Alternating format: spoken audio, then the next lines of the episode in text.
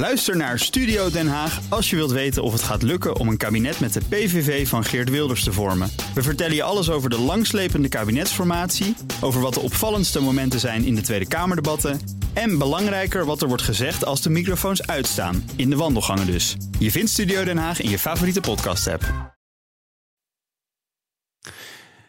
Iedere woensdag spreken we met Marcel Beerthuizen van sponsoring adviesbureau Big Plans over de ontwikkelingen op het terrein van sport en economie. Vandaag de Formule E, de elektrische variant van de Formule 1.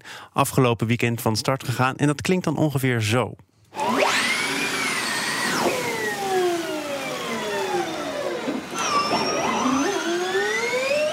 Ja, Marcel, dit is toch geen gehoor? Dit is toch waarom mensen het stofzuigers noemen? Het klinkt als een boor.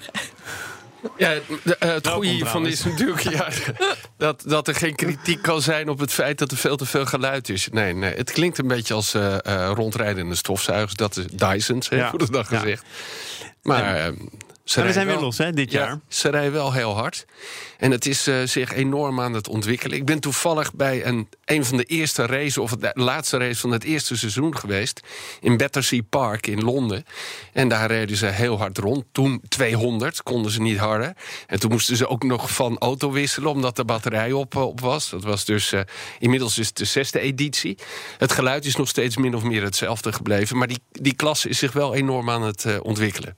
Ja, en dat, dat zie je wel terug. Je moet ook wel niet meteen uitgaan van dat je het één op één kunt vergelijken met, vergelijken met Formule 1. Hè?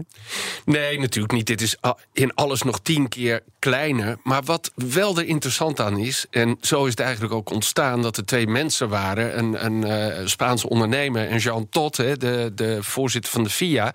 Die zeiden: Goh, elektrische auto's komen eraan. 2011 hebben we het over.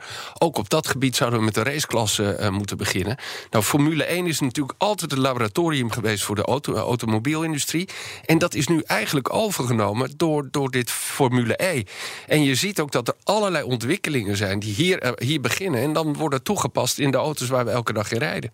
Is het ook spannender om naar te kijken als toeschouwer, als publiek. Want eh, ik, ik, wist het niet, maar als je bepaalde bochten op een andere manier neemt, dan krijg je tijdelijk extra vermogen. De en fans. Mode. Ja, precies. En, en, fans die mogen uh, inderdaad, als ze een populaire coureur zien, uh, daarop stemmen. En die krijgt dan ook weer tijdelijk extra vermogen om in te halen. Het is wel spectaculair. Ja, ja, ja, zeker. Ja, het, het, ook in dat Battersea Park, dat is natuurlijk wel een redelijk krap circuit. Hè. Het is niet heel erg breed. Dus, en wat ze dan hebben bedacht, dat er aparte onderdelen komen. Inderdaad, de fanboost. Dus je kan stemmen zes dagen voordat de E-Prix, want het is niet de Grand Prix, maar E-Prix is, kan je stemmen. En de beste vijf coureurs, hè, dus die de meeste stemmen hebben gekregen, die krijgen dan extra vermogen, dus kunnen makkelijker inhalen.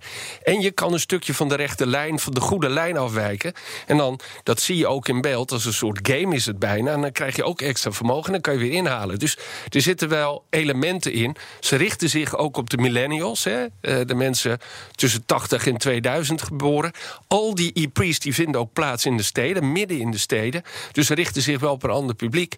En ze gaan niet stiekem dat, dat geluid wat we net hoorden ook nog wat harder versterken om toch nog dat geluidsgevoel erbij te krijgen. Nee, dat is natuurlijk waarvan de echte petrolheads, hè, zoals dat dan heet, zeggen: ja, dat missen we toch wel. Uh, hè, de geur van, van olie en benzine. En, en, we kunnen en volgens mij zonder. En het geluid. Maar ja, dat hoort ook bij de ontwikkeling. En, en elektrische auto's zijn nu eenmaal stiller. En dat is ook wel een plus, zou je kunnen zeggen. Welke grote bedrijven zitten hier al achter? Ja, dat, dat is zich ook eh, enorm aan het ontwikkelen. Sinds 2018 is er een grote hoofdsponsor, ABB. Dus een Zwitsers bedrijf dat heel veel doet op het gebied van elektrificatie. En daarmee bezig is. Je ziet dat al die teamsponsors hebben. Hè. Er zijn uh, eh, 12 eh, teams, 24 coureurs. Die hebben natuurlijk allerlei sponsors. En ook overkoepelend zijn de sponsors ingestapt. Michelin levert de banden natuurlijk. Er is een private equity bank, Julius Beer, die erin is gestapt uit Zwitserland ook. En Heineken is toegetreden. Die zitten trouwens ook heel dik in de Formule 1 natuurlijk. Ja, ja die zegt wel altijd, wij kiezen eigenlijk altijd voor, voor premium platforms. Dat is dit nog niet, dat moet zich nog wel ontwikkelen. Maar ze zeggen ook, ja, sponsoring is eigenlijk de beste manier om bier te verkopen, om ons merk onder de aandacht te, uh, te brengen. Ze geloven heel erg in Formule 1, waar ze succesvol in zijn. En ze hebben dit erbij gepakt. Ook omdat het zich richt op die, op die jongere doelgroep. En het midden in steden is. En wij, Heineken zegt er, wij zijn een citybrand. Hè. We horen in, in, de, in de wereldsteden thuis, ook via dit evenement. In hoeveel jaar denk je um, gaan ze het overnemen van de Formule 1? Ja, jij denkt dat overigens echt. Ja, ik denk ja. dat. Ja, dat moet. Daar, daar, had ik niet een termijn bij uh, uh, genoemd. Zo slim was ik dan weer wel. Maar ik denk uiteindelijk wel, ook omdat wij natuurlijk allemaal in elektrische auto's gaan rijden. of in waterstofauto's, dat uiteindelijk dit wel gaat gebeuren. Formule 1 ziet die bedreiging ook. Hè. Ik zei al, in alles is die tien keer groter. Die zijn 2 miljard omzet en dit is nog 200 miljoen omzet.